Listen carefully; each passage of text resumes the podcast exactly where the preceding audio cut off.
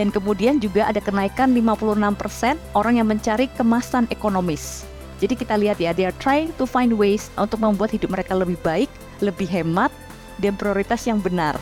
Selamat datang di Future Proof, dipersembahkan oleh Kantar Indonesia. Bersama pembawa acara kali ini, Johan Pangaribuan. Halo, selamat datang di Future Proof Indonesia, sebuah podcast yang dipersembahkan oleh Kantar. Saya Johan Pangaribuan, Expert Solution Director di Kantar, World Panel Division yang akan menjadi host dalam episode kali ini. Hari ini kita akan membahas topik mengenai how to unlock your brand's potential with Google. Sudah ada bersama saya Mbak Yolanda Jaya Sasra selaku Head of Marketing di Google Indonesia. Apa kabar Mbak Yolanda? Baik sekali Pak Johan, apa kabar?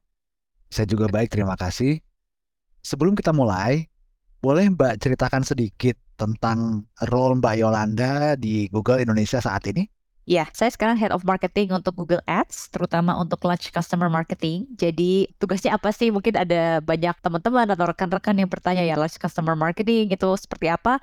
Jadi sebenarnya kita itu bekerja sama, berkolaborasi dengan industri dan juga dengan research expert seperti Kantar untuk provide thought leadership untuk membantu industry leaders dalam transformasi digital dan juga bagaimana caranya untuk reach consumer secara efektif lewat digital. Interesting sekali.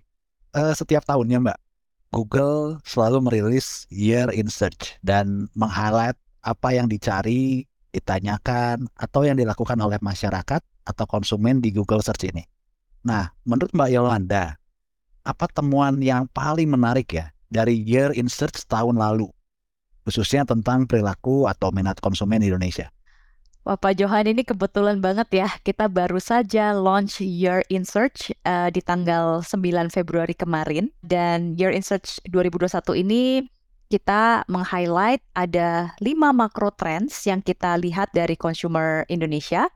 Dan juga kita ada industry deep dive, tren consumer di masing-masing industri untuk enam biggest industry di Indonesia seperti misalnya media and tech, kemudian juga food and beverage, ada technology, kemudian juga ada health and beauty dan lain sebagainya.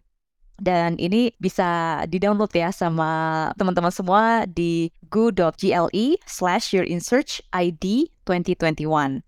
Nah, dari semua yang kita lihat, dari semua tren yang kita lihat itu ada satu yang menurut saya sangat menarik. Jadi dengan adanya uh, pandemi COVID sejak dua tahun yang lalu, ini sebenarnya seperti kita tahu ya, digital penetration is very fast right now. Bahkan 72% dari new internet user di tahun 2021 itu berasal dari non-metro atau bukan kota besar. Dan karena itu ada satu tren yang sangat menarik, yaitu life re-examine. Apa maksudnya? Uh, karena adanya lockdown, adanya pandemi ini, banyak orang mempunyai gaya hidup baru. Dan itu juga membuat banyak orang mempunyai lebih banyak waktu untuk evaluate and re-examine hidup mereka. Maksudnya bagaimana nih? Jadi ada tiga hal dari trend life re-examine yang kita lihat ini. Yang pertama, mereka akhirnya reassess their priorities. Jadi banyak orang yang karena punya lebih banyak waktu, they are wondering, aduh hidup saya ini selama ini uh, gimana ya, am I in the right career atau enggak? Dan juga ada banyak juga yang mengakses prioritas mereka karena mereka melihat krisis untuk pertama kalinya, krisis yang besar ya dalam hidup mereka, sehingga membuat mereka reassess their choices. Jadi contohnya, kalau kita lihat di sini di search trendnya ada kenaikan yang cukup signifikan yaitu sekitar 30% yang mencari hemat listrik dan tenaga surya.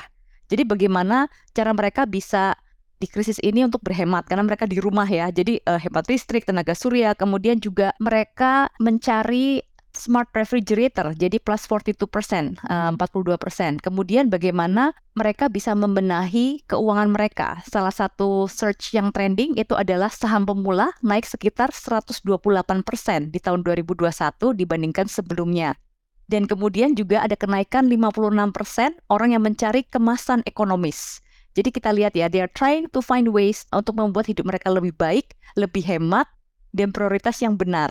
Selain prioritas, life re-examine yang kedua adalah mereka consuming information in new ways. Apalagi dengan sekarang semua digital. Digital ini sudah jadi mainstream ya sekarang Pak. Ada sekitar kenaikan 110% rise in topics untuk waktu berkualitas, kemudian juga 60% untuk makan bersama keluarga, beribadah bersama keluarga. Kemudian yang menarik juga itu ada kenaikan yang cukup tinggi untuk ulang tahun virtual ya ulang tahun virtual, kemudian juga konser virtual. Konser virtual tuh naiknya 200% dibandingkan tahun sebelumnya. Jadi memang new ways of assessing content ya, new ways of assessing communication. Dan yang ketiga dari uh, live stream examine ini adalah buying goods. Nah, konsumen sekarang itu semakin savvy, semakin pintar. Apalagi sekarang informasi itu just one click away ya. Semuanya mereka bisa search, mereka bisa tanya Google gitu. Bahkan uh, saya dari kota kecil ya di Jawa Timur itu bahkan semua orang sekarang bilangnya ya udah kita cari dulu di bawah Google gitu katanya. Uh, so in buying goods they're becoming smarter. Salah satu tren yang kita lihat contohnya adalah di skincare misalnya, kalau dulu kan consumer itu hanya mencari Misalnya, oh saya jerawat, oh saya ada flek hitam misalnya, atau saya mencari produk anti-aging. Tapi yang menarik sekarang itu consumers are becoming smarter and savvier. Mereka mencari active ingredientnya juga. Mereka pengen tahu ada apa di balik setiap produk yang mereka konsum.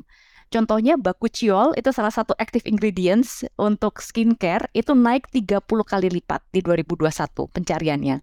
Kemudian juga hyaluronic acid naik sekitar 103% dibandingkan tahun sebelumnya. Jadi memang ini live stream examine ya. Ini uh, suatu hal yang sangat menarik tren consumernya. Jadi uh, saya recap dari live stream examine ini ada tiga hal. Yang pertama, mereka reassessing their priorities, making smart choice.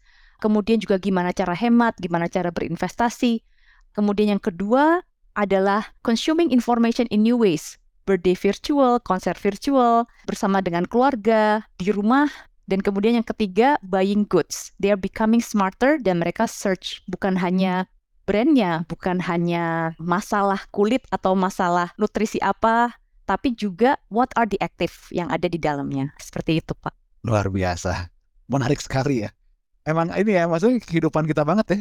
Antara apa namanya tadi harus berhemat, ngelihat karir gitu kan, terus yeah. ya, keluarga, looking to ourselves ya. Lalu udah mulai detail. Sekarang mungkin kita udah ada sedikit waktu tambahan, waktu luang tambahan sehingga kita lebih apa ya, mungkin lebih teliti ya ngelihat ngelihat sebuah produk. Kita tertarik buat lebih dalam terutama ya kayak skincare tadi kan apakah ini berbahaya atau tidaknya dan sebagainya. Uh, that's very good insight, but anyway. ya, yeah. Thank you. Nah, kalau kita tarik ke belakang sedikit ya, berdasarkan data Kantar di media profile, internet itu menjadi posisi kedua ya setelah TV sebagai media yang paling banyak digunakan masyarakat ya. Internet juga jadi satu-satunya media yang mencatatkan pertumbuhan. Jadi satu-satunya platform yang masih growing dalam setahun terakhir gitu. Nah, kalau Mbak melihat data ini bagaimana media digital sebetulnya dapat mempengaruhi pembelian konsumen. Menurut pandangan atau terawangan yang Mbak Yohanda seperti apa nih? Pak Johan untuk pertanyaan ini sebenarnya saya belajar dari Pak Johan dan tim nih dari Kantar karena saya melihat data World Panel-nya, kalau saya lihat dari Kantar World Panel, actually kita melihat bahwa internet users dan terutama YouTube users itu adalah high value shoppers. Maksudnya mereka mempunyai basket size yang lebih tinggi sekitar 34% ya Pak Johan kalau nggak salah ya untuk uh, eh, FMCG YouTube users mereka spend 34% lebih tinggi daripada non-internet user. Kalau internet user sendiri sekitar 32%. Jadi kita melihat bahwa memang internet saat ini digital media itu sangat penting untuk drive bukan hanya awareness tapi juga purchase dan salah satu produk Google adalah YouTube ya. Kita melihat bagaimana uh, YouTube itu bisa drive full funnel marketing objektif. Jadi mau awareness, consideration maupun sampai action atau pembelian purchase itu bisa dilakukan di platform Google search maupun YouTube dan salah satu yang barusan Google dan dan Kantar berpartner itu kan di consumer mix modeling study ya untuk beberapa FMCG brands kita melihat di sana dengan mereka put more investment atau mereka reach consumer di digital, misalnya di uh, YouTube, itu mereka bukan hanya grow awareness, tapi juga kita melihat bagaimana mereka bisa menaikkan penetrasi atau trial dan juga purchase dari brands mereka atau uh, produk-produk baru mereka. Jadi kita nggak bisa pungkiri ya memang sekarang digital media is growing dan bahkan kalau dulu kita mau beli apa-apa itu kan biasanya bingung bingungnya itu kan nanya temen, nanya tetangga, nanya saudara gitu.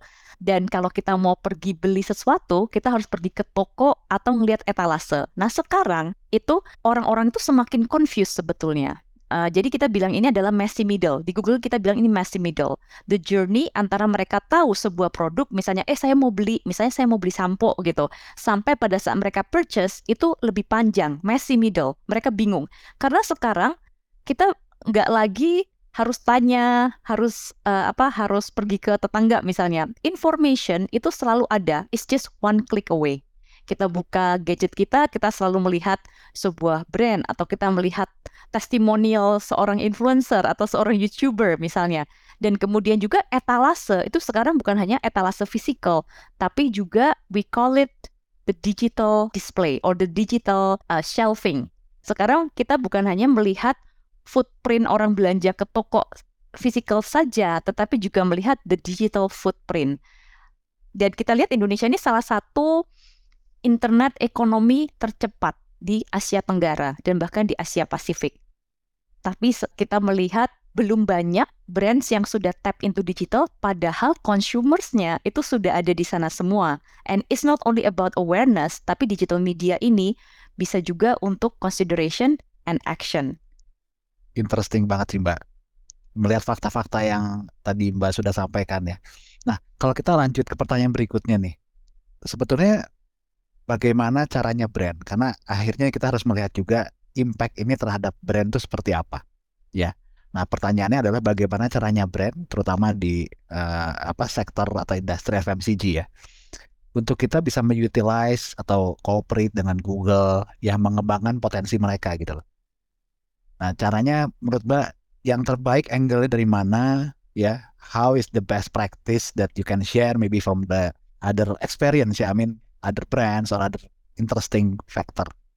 Ya, jadi untuk FMCG brands, bagaimana bisa win and unlock brands potential lewat Google, itu ada, saya mau menjabarkan jadi dua di sini Pak. Yang pertama adalah actually you can utilize Google untuk understanding trends, memahami tren konsumen, dan juga memahami insight dari audience kita itu sekarang adanya di mana. Jadi kalau misalnya kita lihat uh, di Google itu ada trends.google.com di mana Anda bisa mencari yang lagi trending itu apa sih. Kemudian bisa juga dilihatnya per area.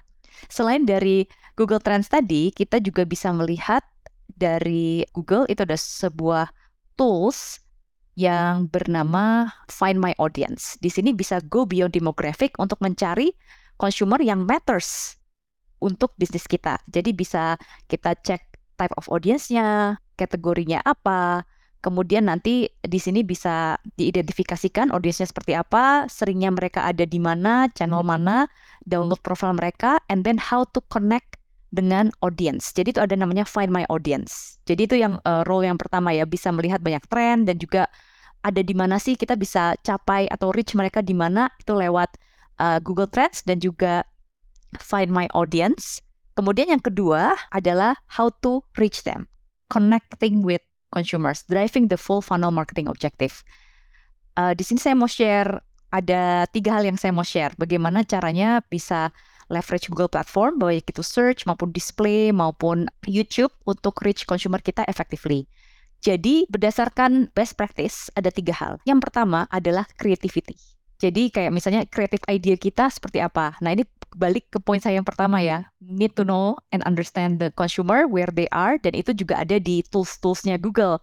Jadi creativity seperti apa yang cocok buat mereka? Kita harus memastikan creativity-nya ini pas untuk audience kita sesuai dengan kebutuhan. So based on a strong consumer insight dan juga kreatifnya ini dibuat sesuai dengan platform yang kita pakai. Yang kedua, kita mempunyai reach and frequency yang pas sering kali banyak brands yang saya lihat untuk FMCG itu mereka reach-nya udah bener tapi not enough frequency. Sehingga gak banyak orang yang melihat. Jadi kita harus perhatikan reach and frequency ini. Yang ketiga adalah make sure kita mempunyai media efficiency, yaitu lewat targeting, advertising format yang terbaik, Jadi kita harus tahu untuk tahu media efficiency ini kita harus tahu bisnis objektif kita apa. Misalnya, oh saya mau launch produk baru, I wanna go big. Itu bisa pakai Google Blast. Nah Google Blast itu kalau pakai produk Google Blast bisa dilihat di uh, YouTube, kemudian ada juga di uh, produk-produk Google yang lain seperti display, search seperti itu. Atau bisa juga misalnya kita merasa oh budget saya nggak banyak. Banyak sekali advertisers yang berpikir wah kalau mau invest di digital tuh harus punya banyak duit. Padahal enggak ya. We can do it effectively and efficiently. Misalnya oh duit saya terbatas kita bisa do sharper targeting kalau misalnya, oke, okay, siapa nih consumer yang mau kita tuju? Atau misalnya kita YouTube baru saja meluncurkan subgeo targeting. Jadi misalnya kita merasa, oh saya mau menang di Jawa Tengah misalnya. Atau oh saya kurang nih di Sulawesi Utara. Itu bisa memakai yang namanya subgeo planning di YouTube. So whether you want to go big, misalnya kayak new product launch, new brand launch dengan Google Blast, ataupun misalnya mau yang uh, targeted, misalnya audience based on audience atau based on subgeo, sebenarnya itu semuanya ada. Dan that's the beauty of digital. Seperti YouTube yang sudah reach lebih dari 100 juta penduduk dewasa ya 18 tahun ke atas di Indonesia, bukan hanya massive, tapi bisa personal. Dan messagingnya pun itu bisa kita sesuaikan dengan audience yang kita mau tuju sehingga it's more effective it hits the heart apa ya lebih connect gitu ya lebih bisa communicate to the heart of our consumers. Dan kita lihat banyak sekali campaign-campaign yang berhasil. Salah satunya juga kita berpartner sama kantor juga ya dengan YouTube Works. Jadi itu uh, award di mana kita mengapresiasi the best campaign di YouTube untuk brand-brand Indonesia. Dan bukan hanya yang menarik secara kreatif tapi juga bisa drive result, bisa drive business result. Dan kita bisa belajar uh, salah satunya itu dari pemenang Grand Prix yaitu Telkomsel Kota Ketengan.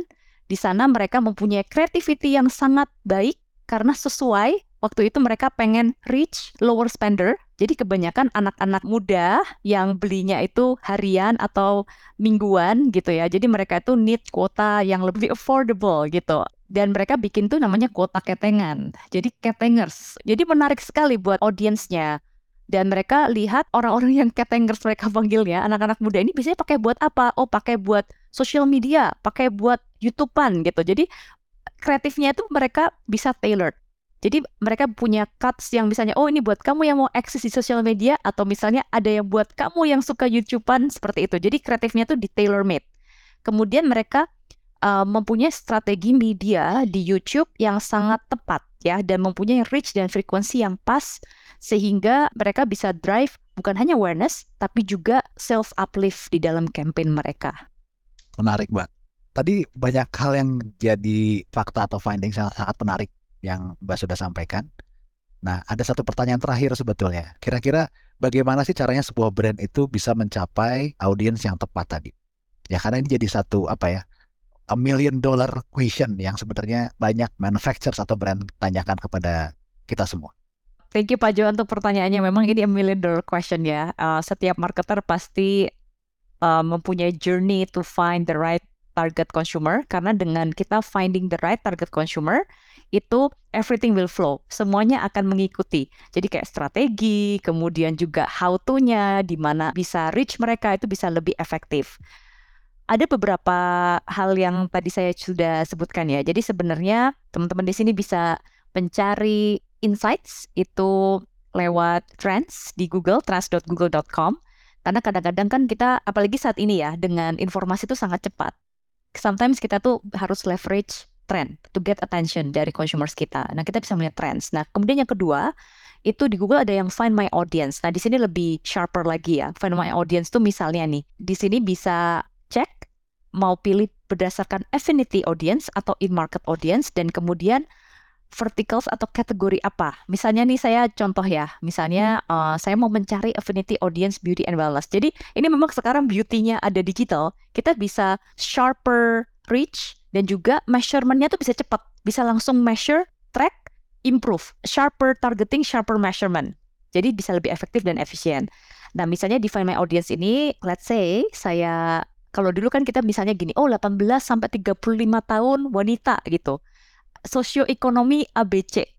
Tapi sekarang itu not enough. If we want to be better ROI dan juga more effective marketing plan kita, itu kita harus lebih dari itu. So not only demographic, tapi juga combine itu dengan affinity. Misalnya saya cari define my audience di Google ini, saya klik misalnya untuk kategorinya beauty and wellness, saya cari berdasarkan affinity. Itu ada misalnya beauty mavens. Beauty mavens itu siapa sih? Oh, orang-orang yang often purchase cosmetic or grooming products atau mencari makeup dan styling tips. Kemudian ada yang kedua adalah orang-orang yang uh, frequently visit salons. Jadi ada dua tipe orang. Jadi kalau beauty mavens itu independen, dia suka nyari tips-tips tapi dia pampering diri sendiri. Dia melakukannya itu sendiri gitu. Melakukan misalnya perawatan rambut, kemudian mereka mereka styling sendiri gitu. Tapi kemudian yang kedua itu orang-orang yang frequently visit beauty related establishment like salon and day spa. Nah, ini uh, cuma salah satu contoh ya. Saya cuma kasih dua contoh dari beauty ya untuk hair care misalnya seperti itu. Nah, kalau kita tahu uh, dua pembagian ini, ini akan sharper. It's more than demography. It's demography and also affinity. Dan juga behavior. Sehingga kita bisa target them, reach them more effectively. Jadi selain kita mengerti consumer insight lewat research, kita juga bisa menggunakan tools seperti Trends, Finder, dan juga Find My Audience ini. Baik Mbak Yolanda, terima kasih banyak sudah meluangkan waktu dan membagikan insight-insight yang menarik dalam episode Future Proof kali ini. Terima kasih juga Pak Johan for having me here today. Terima kasih banyak ya dan saya berharap dari uh, podcast hari ini kita bisa saling belajar ya how to be ready for future. Bagaimana kita bisa reach consumers kita yang semakin savvy dan mereka juga sekarang itu bisa terekspos atau terpapar dengan begitu banyak informasi kapan saja. Everything is just one click away dan semoga advertiser di Indonesia ini juga bisa semakin grow their business effectively and efficiently dengan digital. Thank you very much. Oke, pendengar semua, terima kasih banyak sudah bergabung bersama kami. Ikuti dan nantikan terus episode-episode selanjutnya. Saya Johan Pangaribuan, sampai jumpa.